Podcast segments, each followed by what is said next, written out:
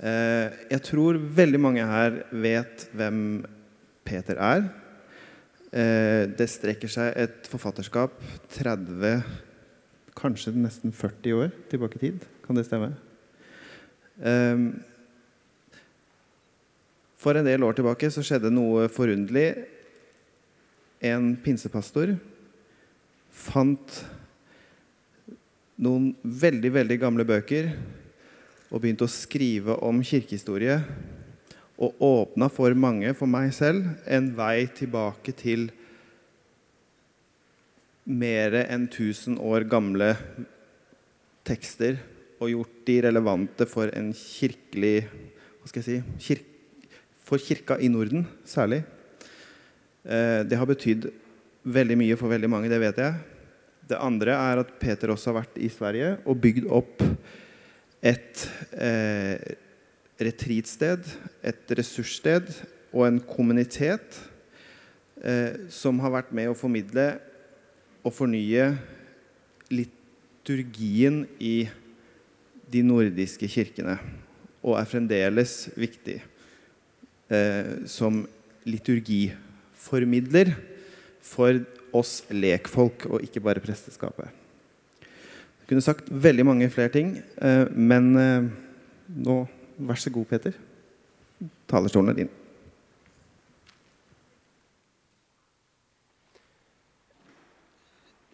Tiden, hur lång tid har jag? Ja.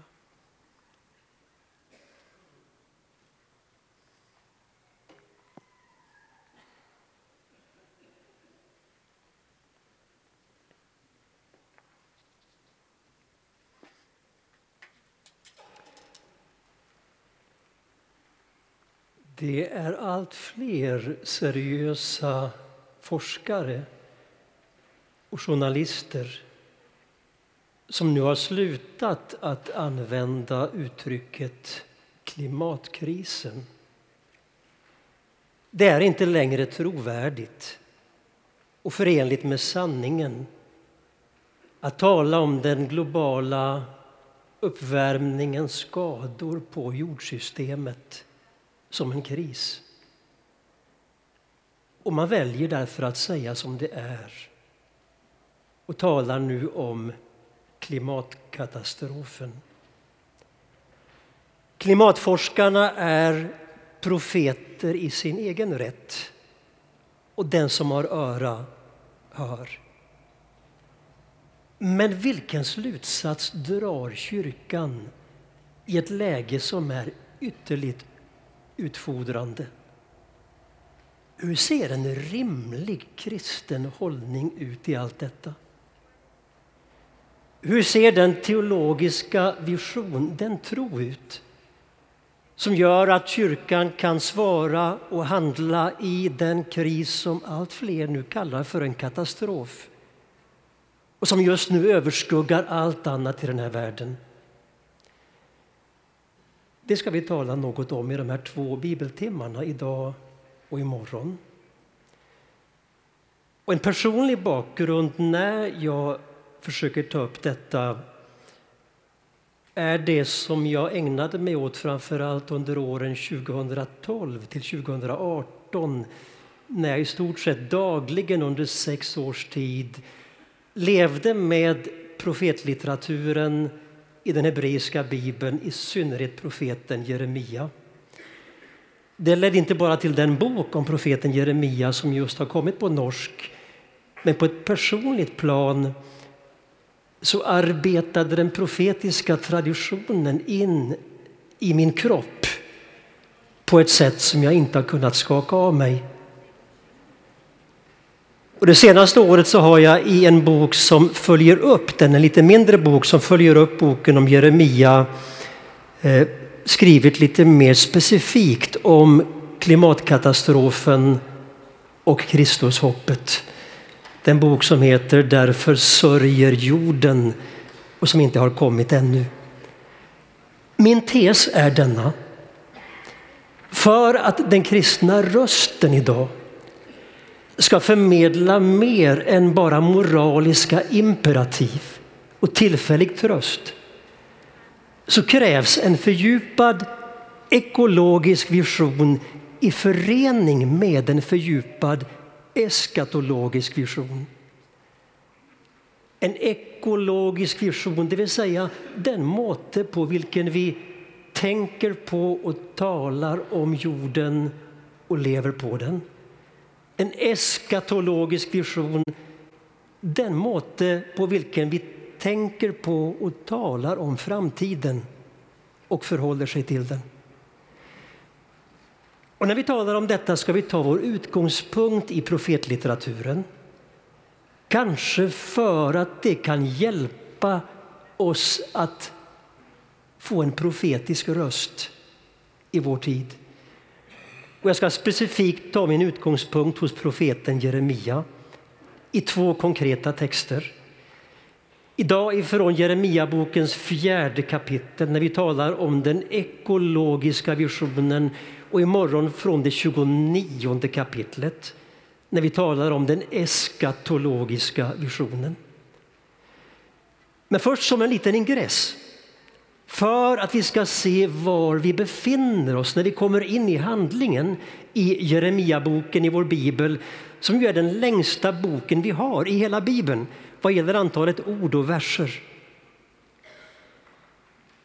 Två pojkar, två guttar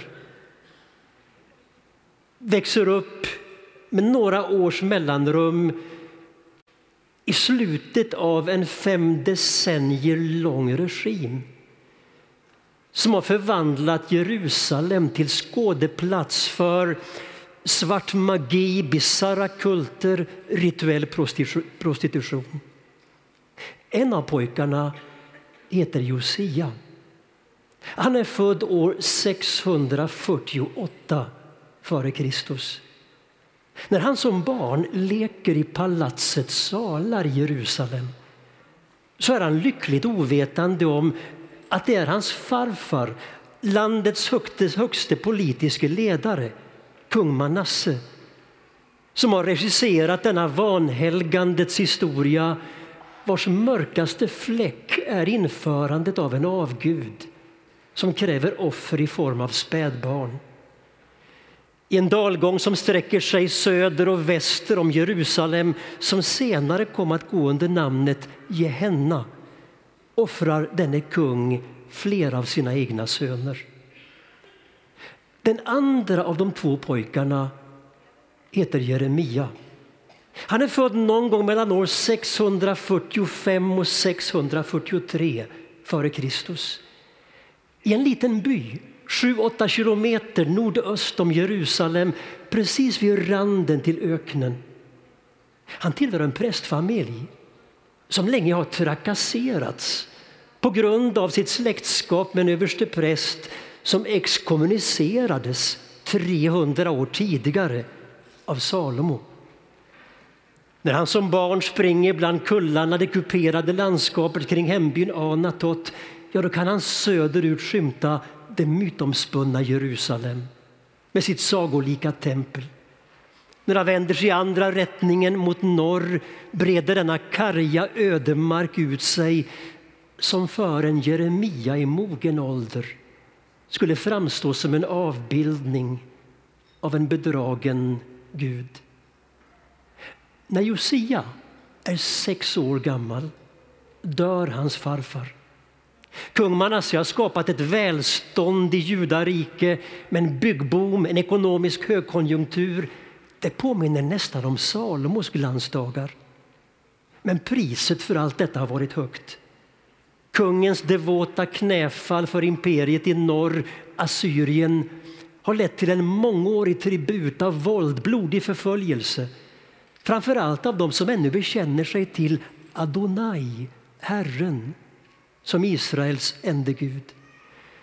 Manasse efterträds som regent i Judarike av sin son Ammon, Josias far. Men denne mördas i en palatskupp efter två år. Åtta år gammal så blir alltså Josia i ett slag faderlös och landets lagliga regent. De första åren så är det naturligtvis hans mentorer, många av dem ministrar från kung Manasses tid. som ser till att fortsätta den proassyriska politiken i judarike. Men när Josia är 16 år gammal så berättar bibeltexterna hur det händer någonting inom honom. Han dras, träckes in i ett liv i bön. Han begynner att söka Gud. Fyra år senare är han övertygad om att hans nation står inför en katastrof om inget drastiskt inträffar. 20 år gammal inleder han en rasande uppgörelse med allt det som hans farfar stått för. Ett år senare, år 627 f.Kr. hejdar Gud en dag Jeremia när han är ute bland mandelträden hemma på gården i Anatot och kallelsen till profet slår ned i tonåringens själ. Dessa två, den politiske ledaren Josia och profeten Jeremia skulle nu tillsammans och var för sig initiera en gryning i judarike på 600-talet före Kristus som bland många väcker förhoppningar om ett enat upprättat Israel. Och Jeremia-boken i vår bibel den handlar om dessa försök till reformation. Även om förhoppningarna om en förändring länge ser lovande ut så visar det sig Utvecklingen går i längden icke att vända. Folket faller tillbaka i de gamla destruktiva mönstren och Jerusalem faller år 687, 587 f.Kr. Ytligt betraktat på överflaten så kan det ju tyckas som att både Josias och Jeremias liv slutar i fiasko och krossade drömmar. Ja, hur mäter man så kallad framgång och trohet mot ideal? Josia dör tragiskt på slagfältet i Megiddo år 609 f.Kr. Jeremia som blir ögonvittne till Jerusalems undergång förs några år senare mot sin vilja till Egypten när han slutar sina dagar. Men historien är ju icke endimensionell.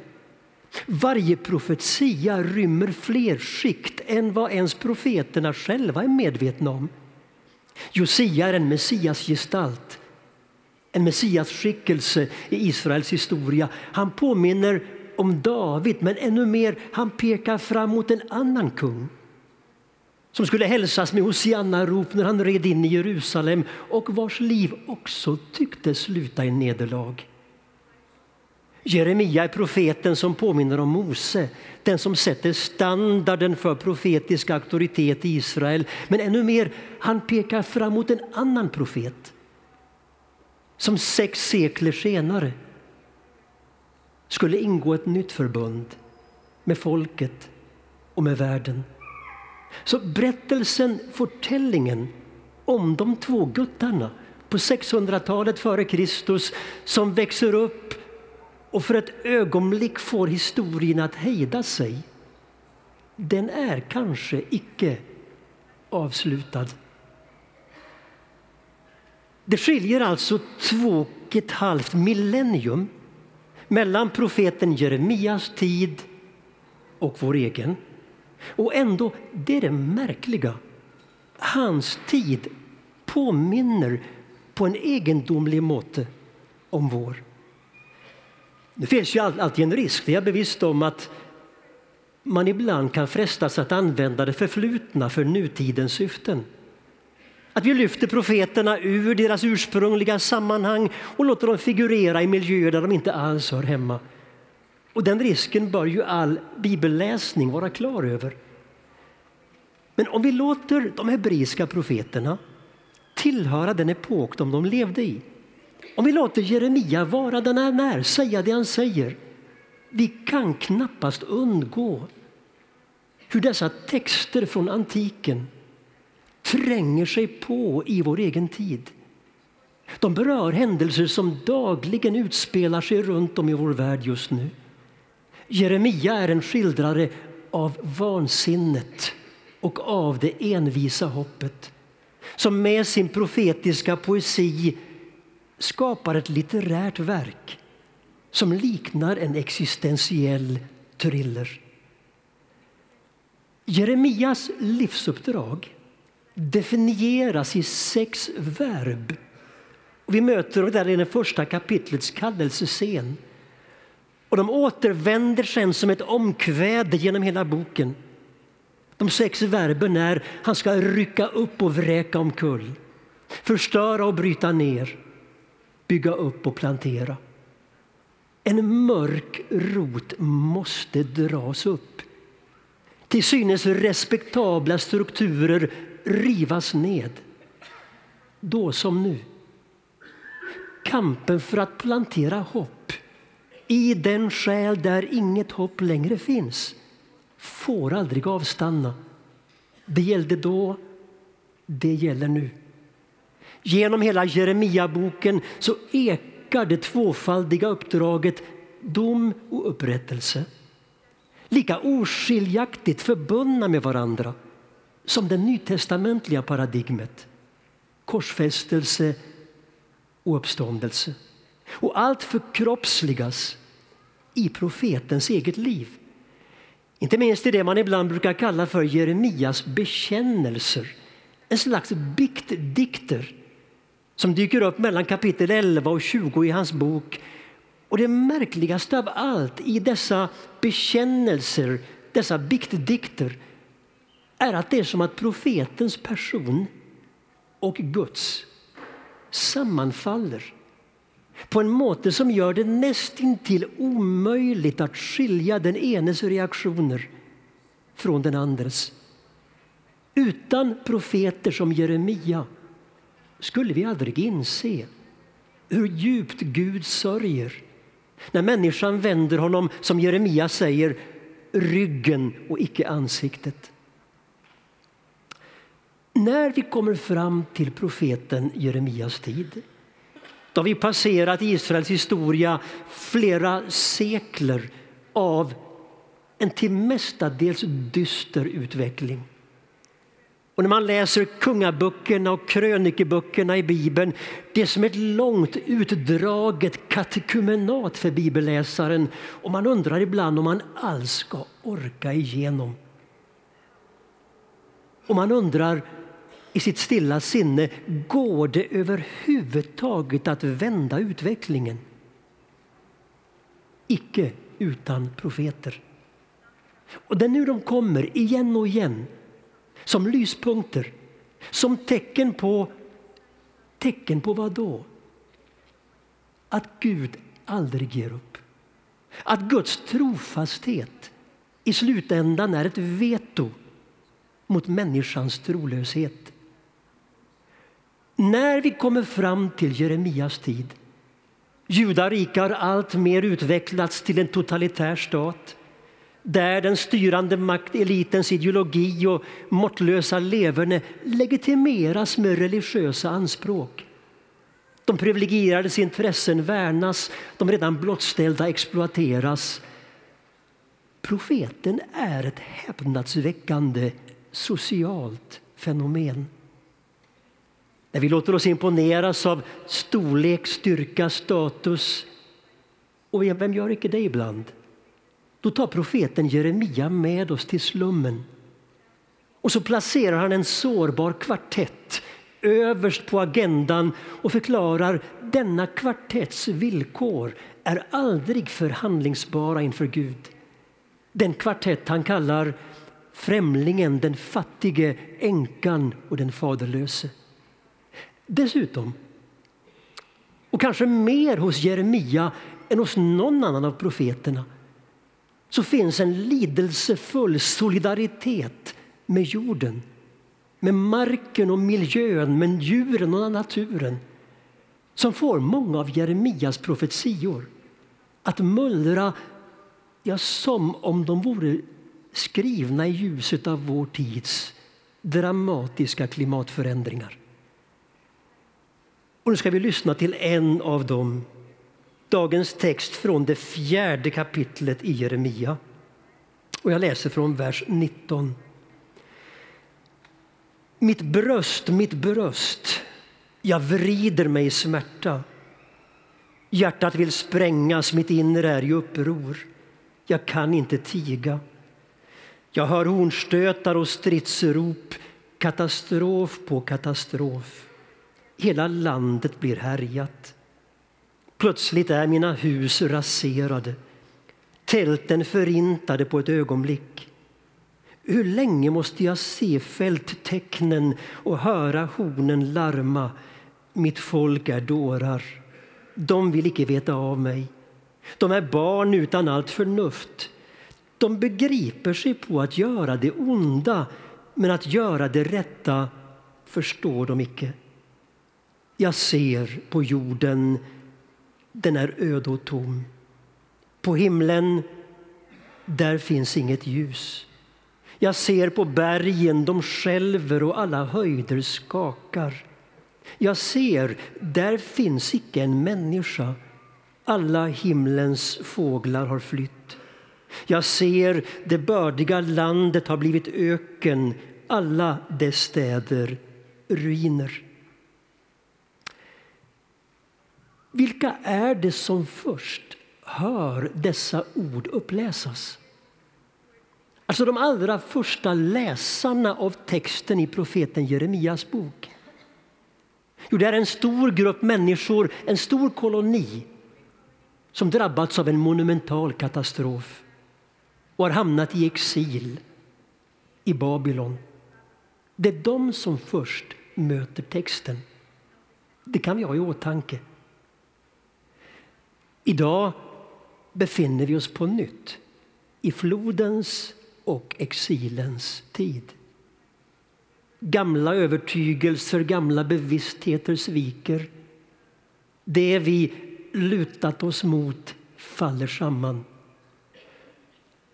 Inför spörsmålet hur vi har hamnat där vi är idag med en jord döende av förslitning på grund av människans klimatvandalism så erbjuder den profetiska traditionen i Bibeln ett fördjupat svar. När forskarna idag beskriver hur en omedgörlig och upprörd jord öppnar sina armar inte för att omfamna oss, men för att krossa oss så är det svårt att icke höra ekot från profeten Jeremia när han skildrar en fullskalig kosmisk regression. I detta avsnitt som vi har läst, läst som ibland brukar beskrivas som det mest dramatiska avsnittet i hela profetlitteraturen i Bibeln. Det är en scenisk skildring av hur jorden blir oskapad i kontrast till ett politiskt och religiöst ledarskap som vänder bort blicken. Som varken vill eller har förmåga att inse verkligheten så ser profeten en skapelse i upplösning. Han ser hur jorden ligger svartklädd och sörjande. Ja, det är som att han skildrat den vinter som följer på ett gigantiskt Tjernobyl. Och det språk han använder hämtat ifrån skapelseförtällningen i Bibelns inledning och visar hur hemmastad Jeremia är i sitt folks heliga texter. Lyssna igen till de här orden. Jag ser på jorden, den är öde och tom. På himlen där finns inget ljus. Jag ser på bergen, de skälver och alla höjder skakar. Jag ser, där finns inte en människa, alla himlens fåglar har flytt. Jag ser, det bördiga landet har blivit öken. Profetens fyrfaldiga jag ser är en medveten parafras på Bibelns första kapitel där vi igen och igen möter orden Gud såg, Gud såg, Gud såg. Och det han såg var mycket gott. Nu är det Jeremia som upprepar att han ser. Men det han ser fyller honom med förfäran. Jag ser på jorden, den är öde och tom. Ja, där har vi Bibelns första vers. Jorden var öde och tom. Han ser en återgång för hela skapelsen till det dystra tillstånd som rådde innan liv skapades ur tomhet. Profeten frågar varför. Nionde kapitlet.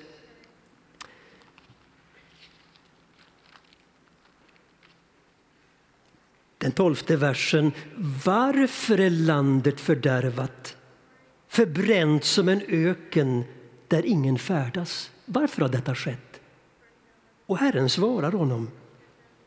Därför att de inte har lyssnat till mig. Det ekologiska sambandet. Det går ju inte att undgå. När Jeremia beskriver den obalans som uppstått i naturen, skördarna som slår fel, jorden som upphört att bära frukt.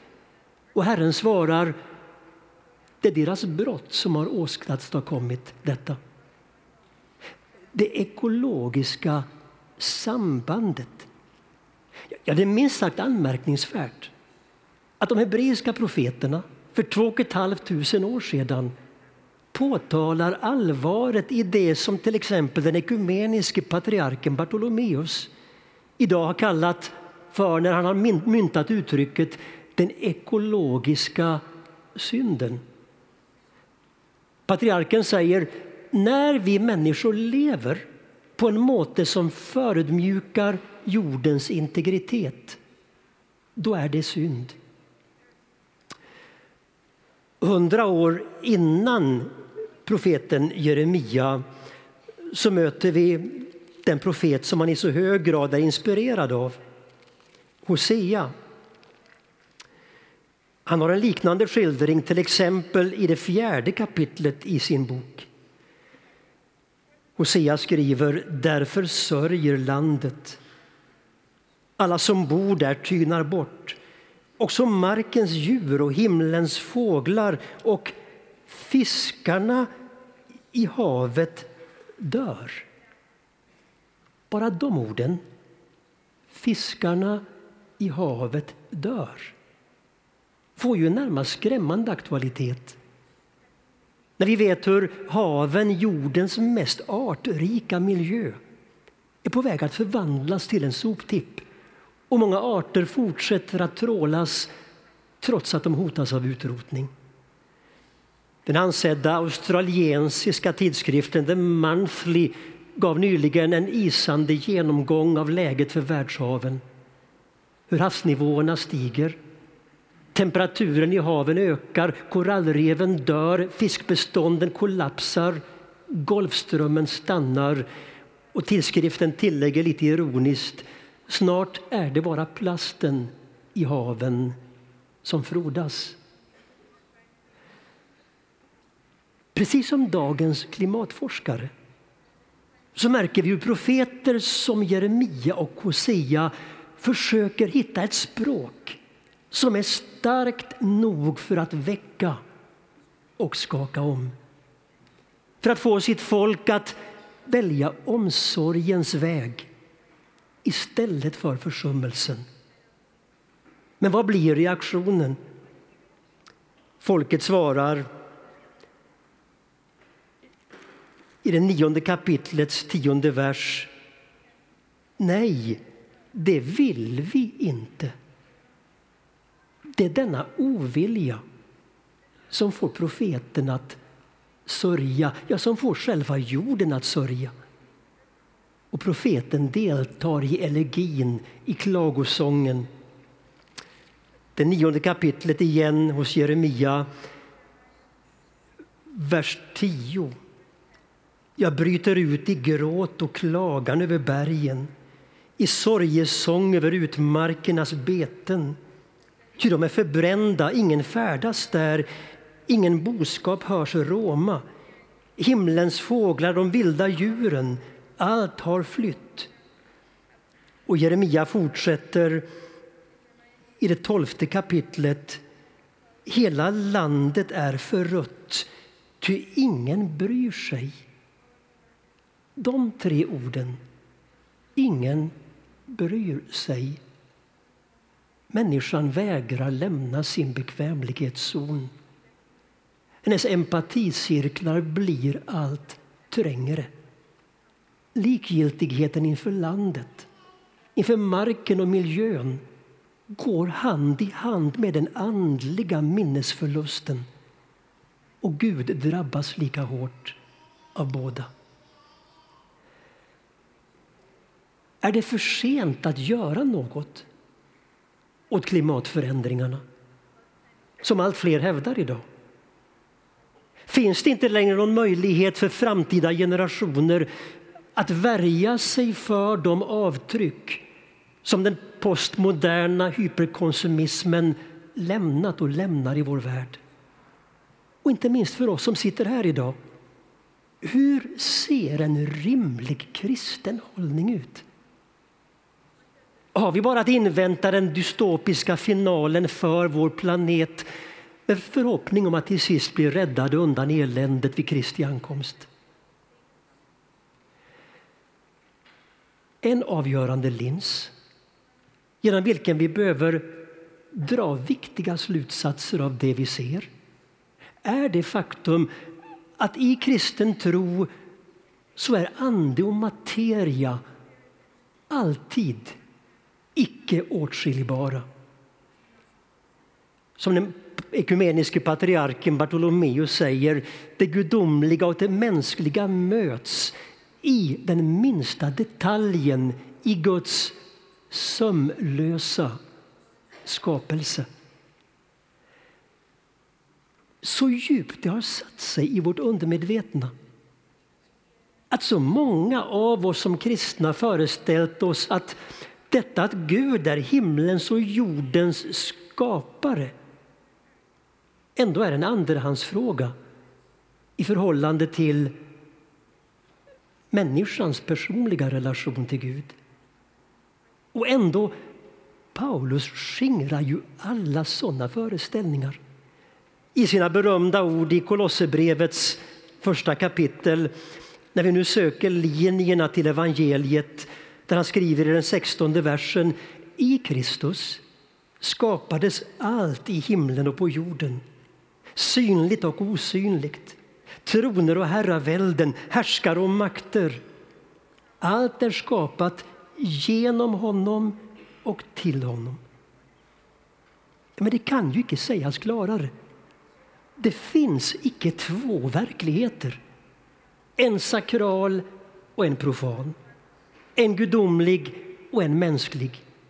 Det är med skapelsen som är Jesu livklädnad.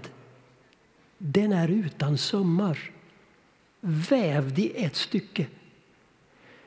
Och om detta påminner ju egentligen kyrkan oupphörligt genom sitt sakramentala liv när hon låter skapelsens element, själva materien, föra Guds talan.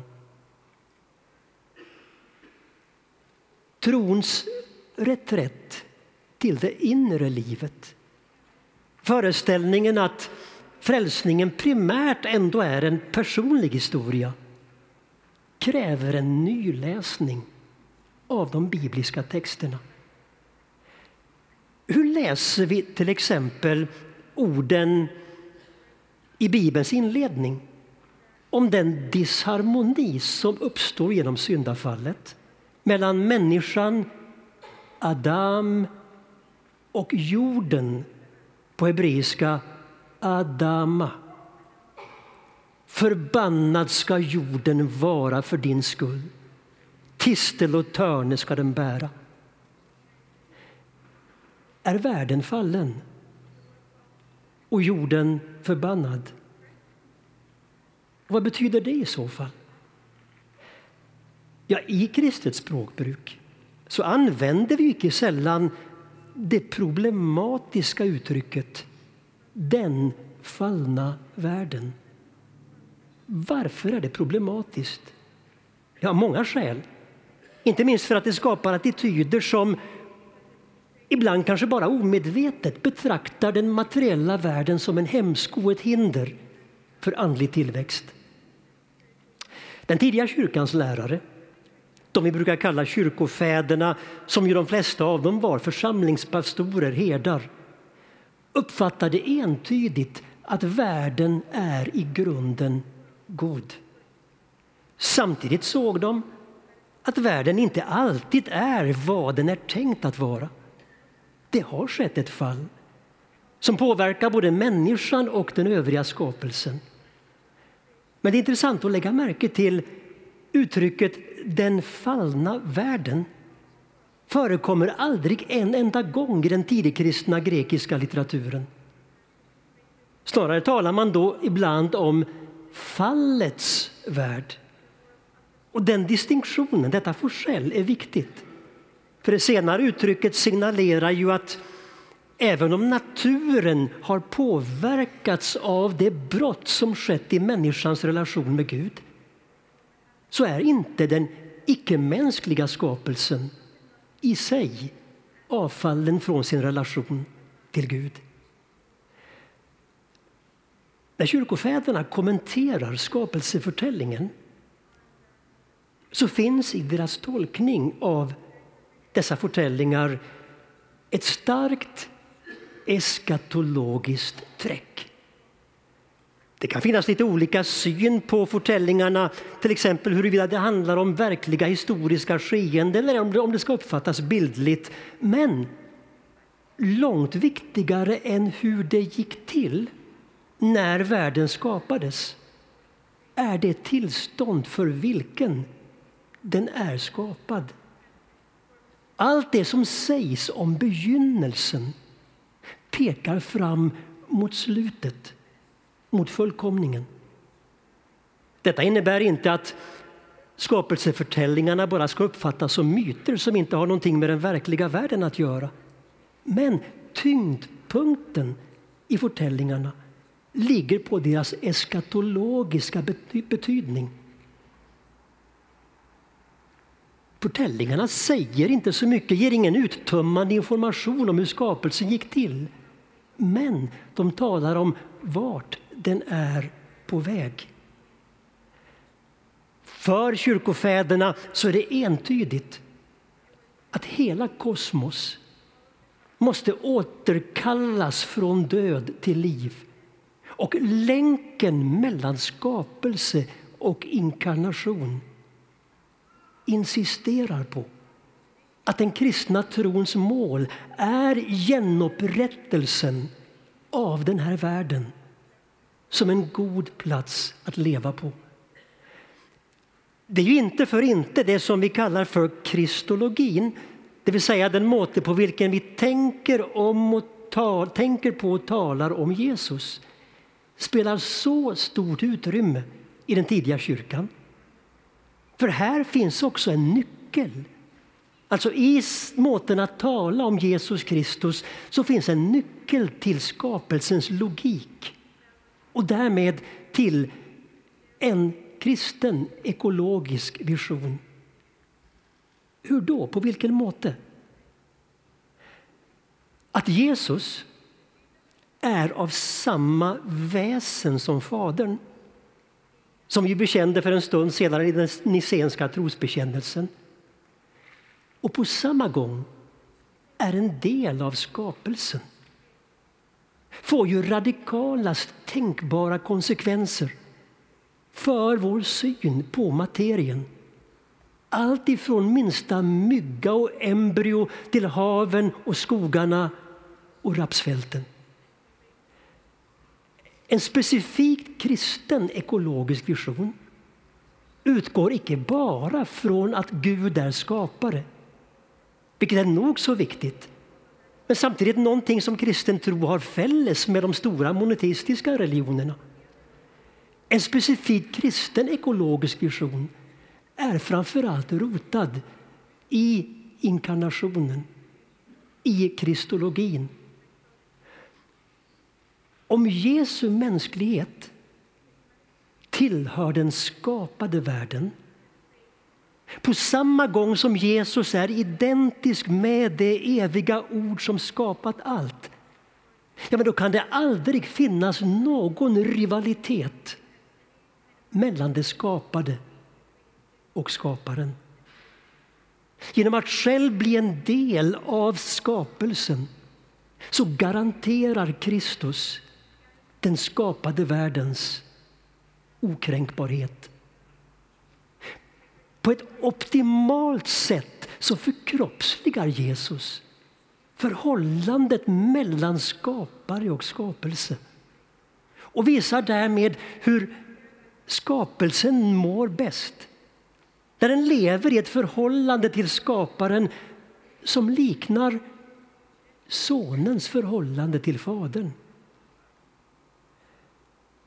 Här är grunden för en kristen ekologisk vision. Den hör alltså intimt samman med spörsmålet om vem Jesus Kristus är. Hur ska man se på den himmel och jord ska brinna teologi som präglat betydande delar av evangelisk och pietistisk kristenhet efter reformationen. En teologi som gärna anknyter till de drastiska Jesusorden om att himmel och jord ska förgå. Som inte sällan mynnar ut i en apokalyptiskt färgad förkunnelse om jordens mycket snara undergång. Och hur ska man se på den i relation till det hisnande löftet i Andra Petrusbrevet? Att efter hans löfte väntar vi en ny himmel och en ny jord där rättfärdighet bor. När man lyssnar till förkunnelser som håller fast vid allt ska brinna-modellen så märker man snart hur de under överflaten har ett fällesträck. Ambivalensen inför det skapade. Ambivalensen inför det materiella. Om man synar det hela lite närmare så framträder en kristologi, alltså en måte att tänka på och tala om Jesus som befinner sig på ett sluttande plan som har påtagliga likheter med det felslut som i den tidiga kyrkan kom att gå under namnet monofysitism. Kort uttryckt en svårighet att riktigt omfamna och ta till sig att Jesus i alla delar som människa är fullt ut en del av den skapade världen.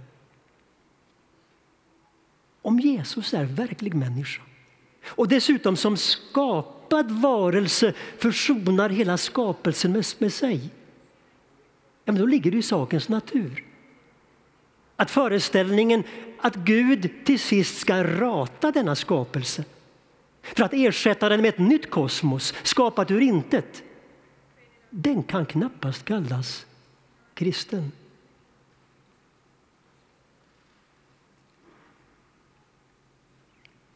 I den tidiga kyrkan så utmejslas långsamt ett språk för hur man ska kunna tala om det gudomliga och det mänskliga tillsammans i Jesus.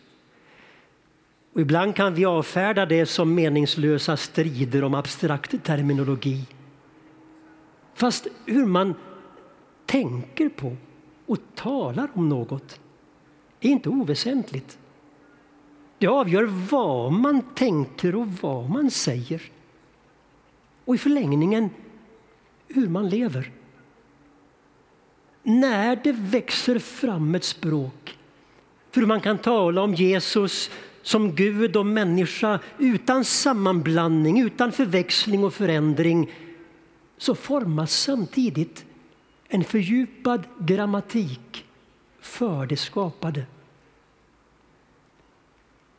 Klassisk kristologi utgår från innebörden av att det skapade och skaparen förhåller sig till varandra på en måte att de aldrig kan tänkas utan varandra. Och att vårt förhållande till skapelsen därmed alltid påverkar skaparen. För att sammanfatta. Den verkliga och djupa innebörden i, inkarn i inkarnationen ja, den verkliga och djupa paradoxen i inkarnationen är att skaparen själv vet vad det är att vara skapad. Vi behöver säga det en gång till. Den verkliga och djupa paradoxen i inkarnationen är att skaparen själv vet vad det är att vara skapad. Allt som kallas kristet är därför förbundet med det skapade och har som mål hela skapelsens fullkomning. Föreställningen att ett andligt liv är ett lite högre liv, några pinnhål ovanför det ordinärt mänskliga, ja, men den är ju i praktiken ett underkännande av att Jesus är verklig människa, en del av skapelsen. Men inte bara det, den bygger ju dessutom på en grav missuppfattning av det gudomliga. För om vi ställer spörsmålet från ett annat håll, vad är beviset för Jesu gudom? De mirakel han gör. Jesus samtid är sprängfylld av magi, mirakel, övernaturliga utspel. Mirakel bevisar överhuvudtaget ingenting. Förutom att tillvaron har en självklar andlig dimension. Och som Dietrich Bonhoeffer lite provokativt konstaterar Jesu mirakel, säger han, döljer, skjuler snarare hans gudom. Så vad är det som bekräftar den, hans gudom? Att han förblir helt och fullt mänsklig. Hans självförglömmelse, hans sårbarhet, hans vägran att försvara och förklara sig. Ja, men det är ju det som är det mest robusta tecknet på hans gudom. Hur kan det vara det? Jo, men Jesus syndfrihet består ju i frånvaron av allt det som får en människa att klamra sig fast vid sig själv. Allt det som hindrar henne att vara solidarisk med de skyldiga och de lidande. Allt det som hindrar henne att vara helt och fullt mänsklig. Jesus förvägrar konsekvent denna världen att slita upp revor i hans mänsklighet. I Jesus finns ett mänskligt vad och ett gudomligt hur. Detta mänskliga vad i Jesus är ingenting annat än vad detta mänskliga vad är i oss. Det vill säga, Jesu mänskliga natur skiljer sig icke från vår på en enda punkt. Så vad är skillnaden mellan Kristus och oss? Det är den måte på vilken han lever ut sin mänsklighet. Det är den som bekräftar hans gudom. Han lever ut den utifrån en fullkomligt harmonisk enhet med Fadern. Frälsningen är denna restaurering av det mänskliga. Detta mänskliga vad i oss som är detsamma som i Jesus. Men det sker genom ett gudomligt hur. Som Rowan Williams uttrycker det den märkliga ironin, säger han, är att människans gudomliggörelse är den enda säkra vägen att undgå illusionen att vi är eller kan bli gudar. Om vi tar inkarnationen på allvar då finns varken utrymme för en resignerad pietistisk hållning till den här världen eller för en allt ska brinna teologi. Då står det en gång för alla klart att denna världen inte kommer att nå sin fullkomning genom ett våldsamt gudomligt ingrepp som tränger undan denna världen. Redan profeter som Jeremia och Hosea gör upp med tanken på att Gud på något sätt skulle vara fientligt inställd till världen. i Kristus, som Jeremia ser i fjärran, blir Gud själv en del av den skapade ordningen utan att upphöra att vara vad Gud är av evighet. Är, är det avgörande skälet till hopp för vår plågade värld. Och det ska vi tala mer om imorgon.